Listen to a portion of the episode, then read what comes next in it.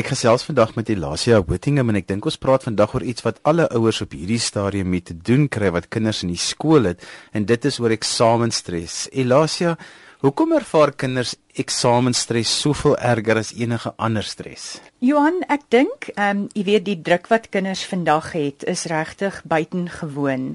Ehm um, ek dink baie kinders ervaar ehm um, eksamen van kleins af dat dit iets groter is as 'n toets. En baie keer is dit um hoe ek dink oor die eksamen wat regtig vir my stres gee. Um en partykeer is kinders eintlik net nie voorberei genoeg nie.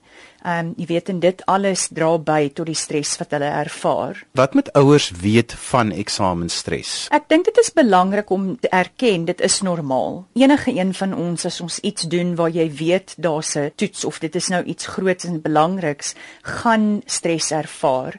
Maar om die stres binne konteks te sien, dit is net 'n ander tipe toets. Stres om weet ons die liggaam reageer op verskillende maniere.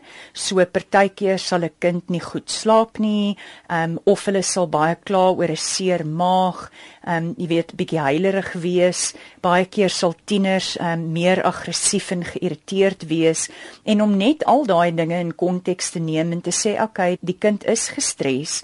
Ons aanvaar die stres, maar hoe kan ons nou ten spyte van die stres nog steeds vorentoe gaan en 'n positiewe ervaring hê rondom die eksamen?" Ek dink ook baie keer dan voel ouers hulle eie stres aan en hulle projekteer dit op hulle kinders want nie alle ouers was sulke suksesvolle eksamenskrywers nie. Ja, verseker Johan en ek dink ook, jy weet vandag, ehm um, baie ouers verstaan nie eintlik die werk wat gedoen word nie. Ehm um, die eksamen, die formaat van die eksamen het al baie verander oor die laaste paar jaar en jy weet so ouers definitief projekteer hulle eie stres en partykeer die onderwysers ook. Ehm um, hulle is baie gestres, hulle is moeg, die kinders stel dit op en jy weet dit is hoekom jy weet 'n mens moet probeer om dinge so normaal as moontlik te hou. Kom ons begin by die negatiewe kant en ons sê wat moet ouers nie doen tydens eksamentyd nie? OK, so mens moet probeer om die rotine soveel as moontlik normaal te hou. Moenie nou ewe skielik iets anders en iets nuuts um inbring nie. Ek dink dit is ook belangrik dat 'n mens nie die hele tyd uh vir die kinders sê um o dit gaan so moeilik wees nie um en 'n groot ding daarvan maak nie. Mens moet net aangaan asof dit 'n ander dag is.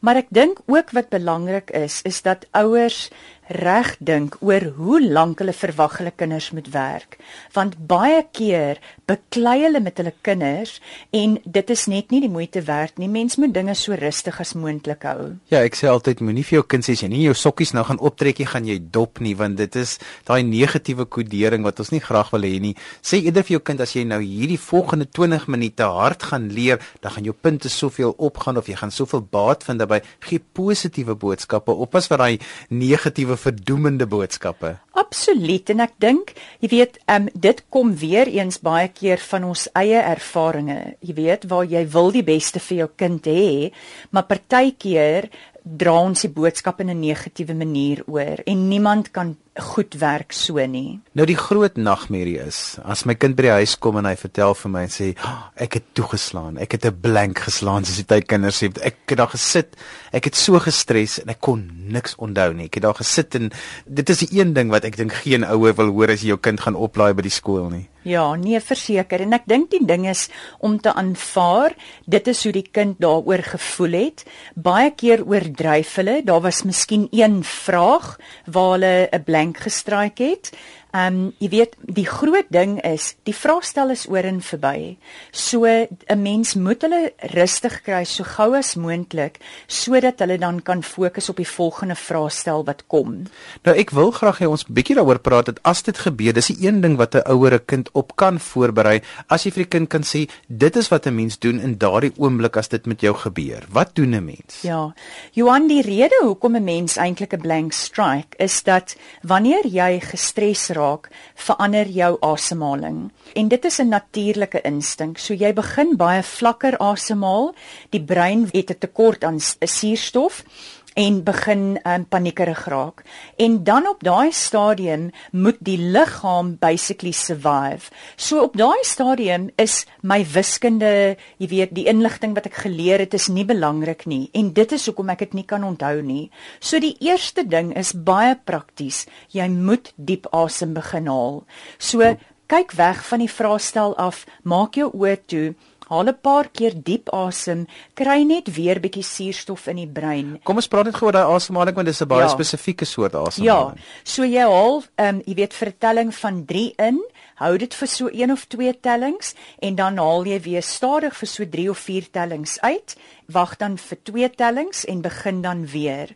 En so met dit, jy weet, kry jy jouself weer grounded soos wat hulle sê en 'n mens kan dan weer kyk. En dan wat doen 'n mens daarna want die kind is dan nou dadelik angsbevange want die horlosie is besig om te tik, hy is besig om verby te loop en jy weet jy het net soveel tyd om 'n ding te beantwoord en daai paniek kan jou asemhaling weer laat ontspoor. Absoluut en ek dink die belangrike ding is en dit is hoekom jy weet partykeer wat gebeur is kinders wil dan hulle spandeer te veel tyd op daai vraag.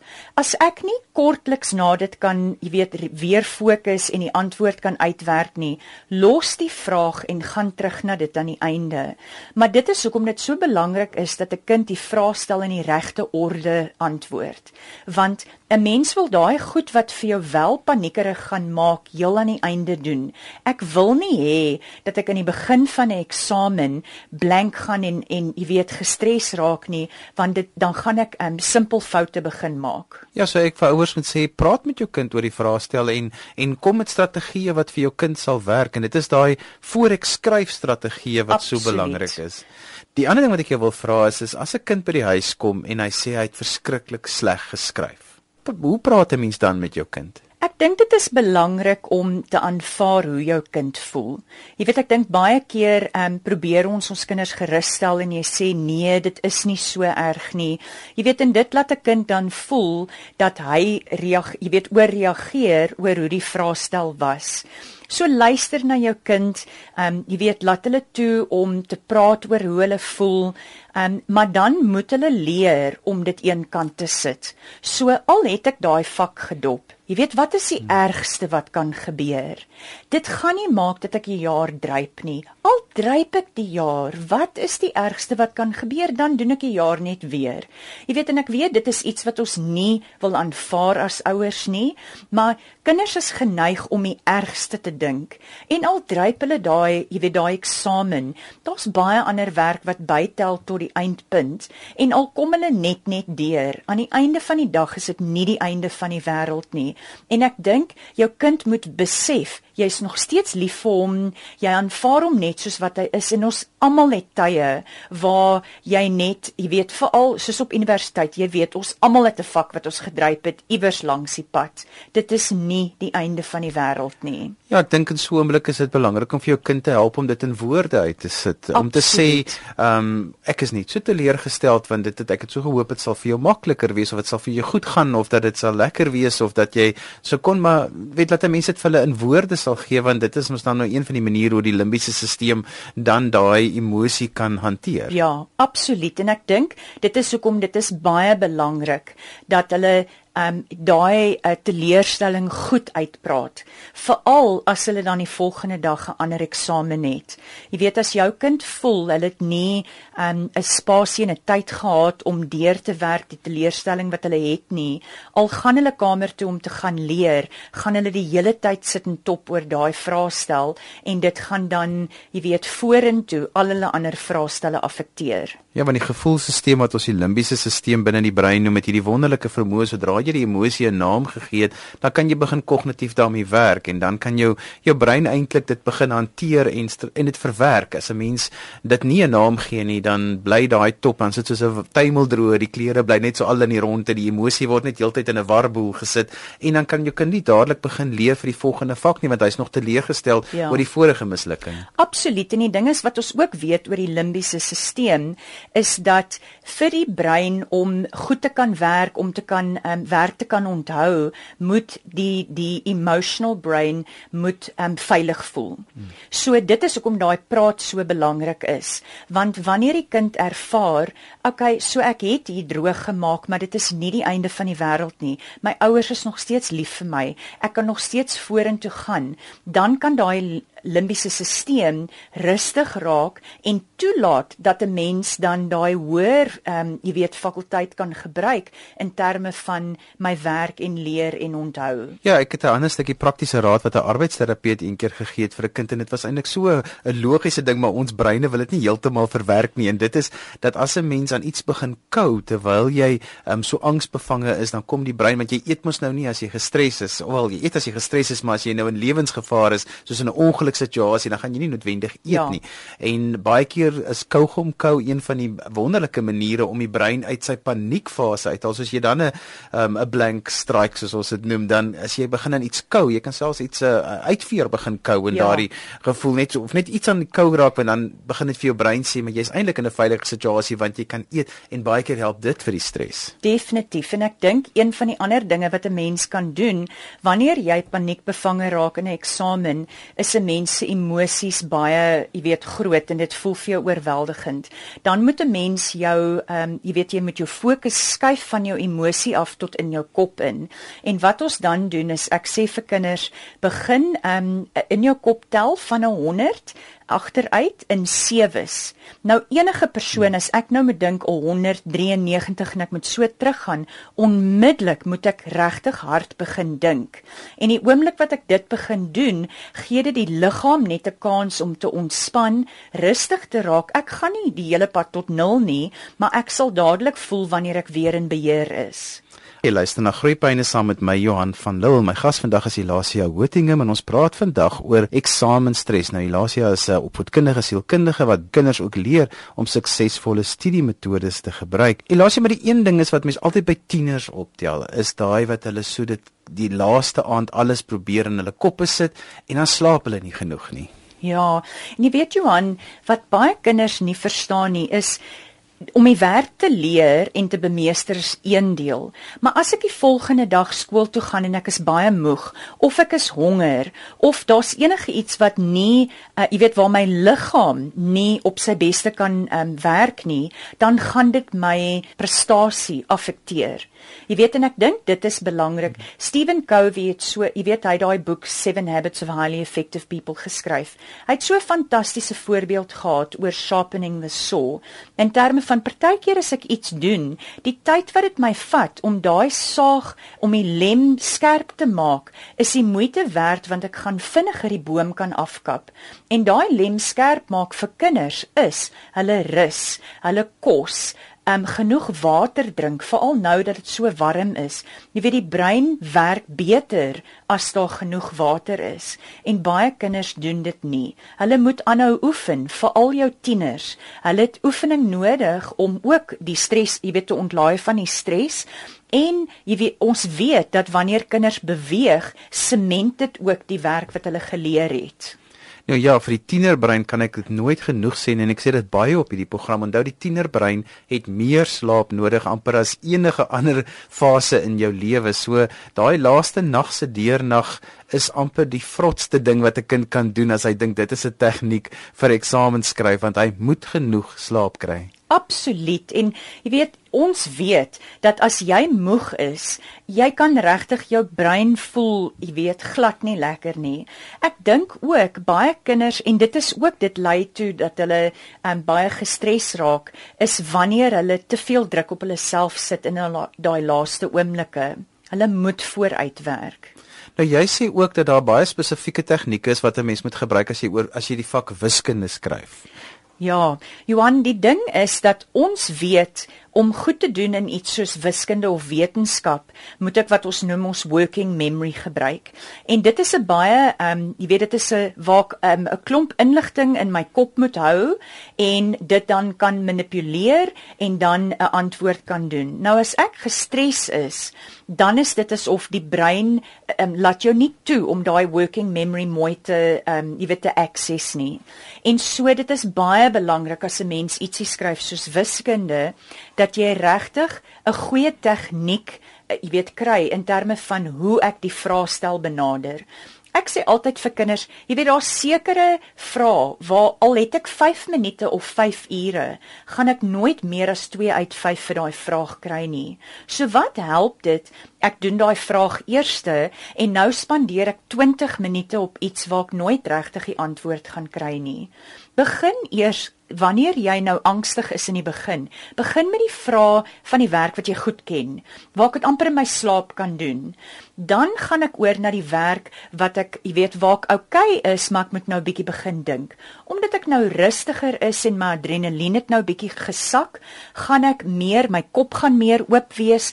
Ek sal moeiliker somme kan doen en beter kan dink. En dan los ek die moeilike goed tot laaste. Teen daai tyd weet ek presies hoeveel tyd ek oor het en ek kan dan besluit, gaan ek hierdie een of twee vrae doen of gaan ek teruggaan na iets anders wat ek uitgelos het. Jy weet, baie kinders leer as ek vinnig en akkuraat werk, is dit meer werd as om 'n hele vraestel klaar te maak. Ek moet werk soos wat hulle sê in Engels towards my strengths. En so ek kan 90% van 'n vraestel doen en nog steeds 'n onderskeiding kry omdat ek vinnig en akkuraat werk. Ja, ek dink die ding wat ons vandag baie deeglik vir ouers en versorgers sê is is te sê dat mens kan met jou kind praat oor vraestel antwoord beplanning want ek dink dit is waar ouers 'n baie goeie rol kan speel. En natuurlik daai ding wat jy vir jou kind moet sê onthou om die laaste bladsy om te blaai en reg deur jou vraestel te lees. Absoluut en Johan, ek is altyd so verstom. Baie kinders weet nie wat om te doen in hulle leestyd nie. En jy weet, 'n mens as jy so in 'n saal rondloop, dan sien jy party kinders doen net niks nie. Hulle gebruik glad nie daai tyd nie. Ander begin en lees alles woord vir woord. So daai beplanning is baie belangrik. In daai 5 of 10 minute moet ek regtig reg deur die vraestel gaan. Ek moet kyk wat is die vraag? Wat is die uitleg van die vraestel? Onmiddellik kan ek begin 'n idee kry van watter vraag regtig vir my lekker is. En dan moet ek begin besluit, hoe gaan ek hierdie vraestel nou benader? Met watter afdeling gaan ek begin? En dan wanneer ek begin skryf, dan begin ek daarmee. In daai tyd kan ek ook my tydsberekening uitwerk. So as dit 'n 2 ure vraestel is en is 120 punte, dan weet ek ek moet 'n punt 'n minuut werk. En so as iets uit 10 punte is, dan het ek regtig 10 minute om dit te doen. En dit is belangrik, want kinders moet hulle tyd mooi dophou.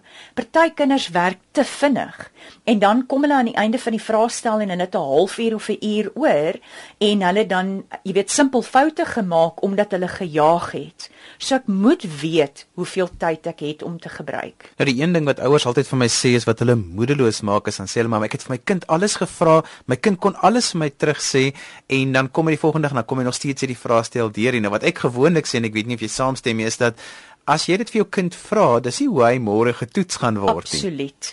Absoluut. Ons weet dat wanneer ek 'n uh, antwoord verbaal gee, gebruik ek 'n ander deel van die brein as wat wanneer ek dit skryf. En so om ehm um, jy weet ou vraestelle te beoefen maar skriftelik is baie baie belangrik want dit is regtig waar kind en en ook nie net te oefen nie maar onder toetsomstandighede. So as jy uitwerk hierdie vraag met my 20 minute vat Sit by die huis en neem die tyd vir 20 minute. sien hoe ver kom jy in daai 20 minute. You've got to get exam fit. So dit gaan nie net oor ken ek die werk en kan ek dit doen nie, kan ek dit vinnig doen.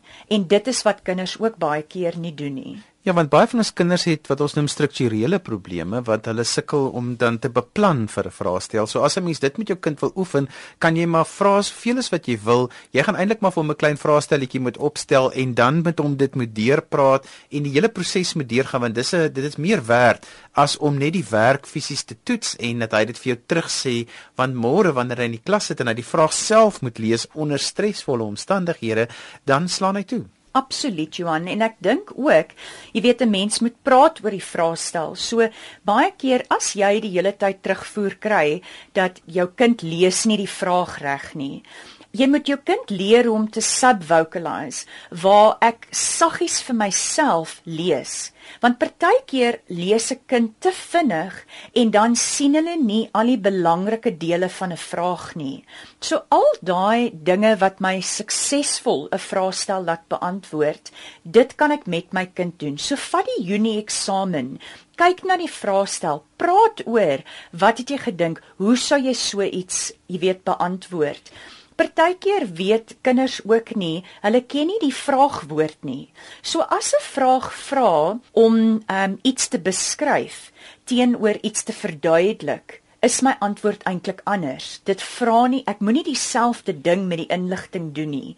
En daar vind ek baie kinders, veral jou tieners, hulle onderskei nie tussen wat vra die vraag nou eintlik En dus al ken hulle die werk, kan hulle nie die volle punte kry nie, want hulle beantwoord nie eintlik die vraag nie. En as jy dit Google, dan gaan jy daar duisende hulpbronne kry wat juist daaroor gaan en ek dink dis waar ouers 'n groot rol kan speel is om vir kinders seker te maak hulle verstaan die verskil tussen daai verskillende vraagwoorde.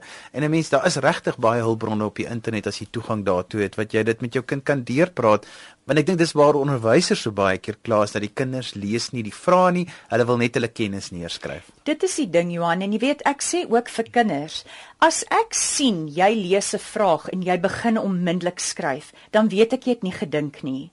Jy moet pause en dink, okay, wat so wat vra dit nou eintlik? En baie keer omdat kinders stres, antwoord hulle die eerste ding wat in hulle koppe opkom en dit is nie noodwendig die regte antwoord nie. Jy het tyd om te dink. As ek mooi gedink het oor my antwoord, gaan dit baie vinniger vir my wees om die antwoord neer te skryf as wat dit gaan wees as ek net dadelik begin skryf en nie my antwoord beplan nie.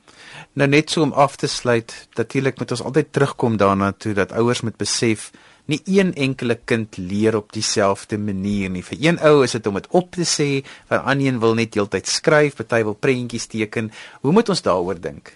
Ja, Johan, daar sien ek, ehm, um, jy weet, gaan dit baie oor hoe ons geleer het. Nou die ding is, ons weet jy kan nie leer net deur te lees en te highlight nie. Jy gaan op 'n baie uh, superficial vlak so leer. Jy moet een of ander nota maak, maar daan terme van die notas, dit maak nie sin om alles oor te skryf nie. Dit gaan oor hoe organiseer ek die inligting. En vir party kinders wat baie besig is en goed, hulle moet rondbeweeg terwyl hulle die summaries doen. Hulle sal dit miskien hardop sê, rondspring. Jy weet, anders sal sit en dit meer in 'n jy weet 'n vaste manier doen, maar hulle moet een of ander opsomming hê. En ek dink dit is belangrik. Jy weet ek sê baie keer vir ouers en vir kinders, jy kan meer in 15 minute doen waar ek regtig gefokus is as wat ek kan doen as ek vir 'n halfuur sit, maar ek dink aan 'n klomp ander goed. So ek dink dit is belangrik vir ouers ook om realisties te wees oor hoe lank hulle kinders sit en werk. Werk eerder in kort ehm um, jy weet 15 minute waar ek regtig konsentreer, vinnige break en dan weer terug. So as ouers met jou wil kontak maak as hulle spesifieke navrae het of skole wil jou kontak om bietjie hulle kinders te kom leer studeer, hoe kan hulle dit doen? So Johanne, hulle kan my e-pos stuur op elasia@edupassion.co.za of hulle kan my skakel op 082 933 9463. Dis en alwaar vir ons tyd het vandag. Dankie dat jy na Groepyne geluister het. Onthou as jy weer na die program beluister, laat dit af as 'n pot gooi by rsg.co.za. daarmee groet ek dan vir vandag sterkte aan al die matrieks wat besig is met die eksamen, natuurlik ook al die ander kinders wat tans voorberei vir die eindeksamen wat nou net om die draai is. daarmee groet ek tot volgende week van my Johan van Dil. Totsiens.